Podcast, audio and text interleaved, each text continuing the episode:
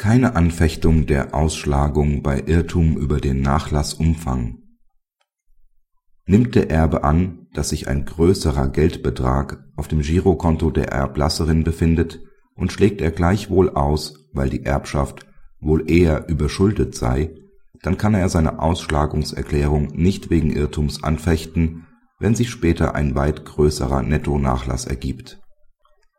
Der Sohn der Erblasserin wurde von einem Kriminalbeamten informiert, dass seine Mutter tot in der Wohnung aufgefunden worden sei und sich ein größerer Geldbetrag auf deren Girokonto befinde.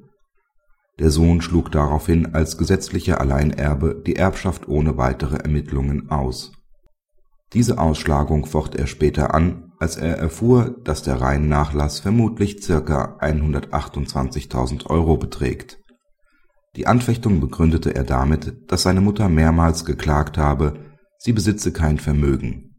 Deshalb sei er davon ausgegangen, dass der Nachlass wohl eher überschuldet sei. Das OLG Düsseldorf verneinte einen Anfechtungsgrund.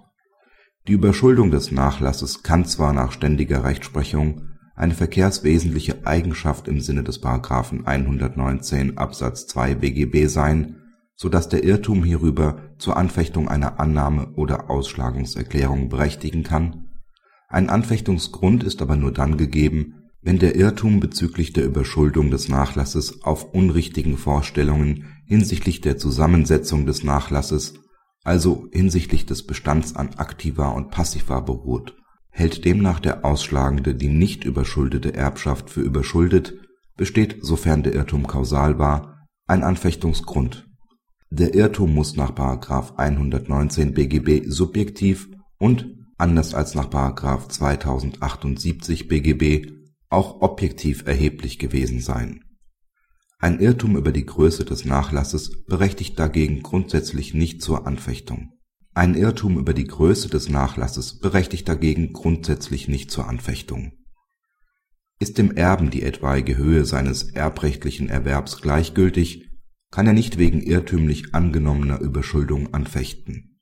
Nach Ansicht des OLG bestand für den anfechtenden Sohn aufgrund der Information des Kriminalbeamten Anlass, sich zu informieren, um welche Größenordnung es sich beim Nachlass tatsächlich handelte, um sodann zu entscheiden, ob er die Erbschaft annehmen oder ausschlagen sollte. Wer eine Erbschaft für finanziell uninteressant gehalten und daher ausgeschlagen hat, kann dies nicht anfechten, wenn sich später das Vorhandensein eines wertvollen Nachlassgegenstands herausstellt oder sich ein solcher als wertvoller erweist, als bei der Ausschlagung angenommen wurde.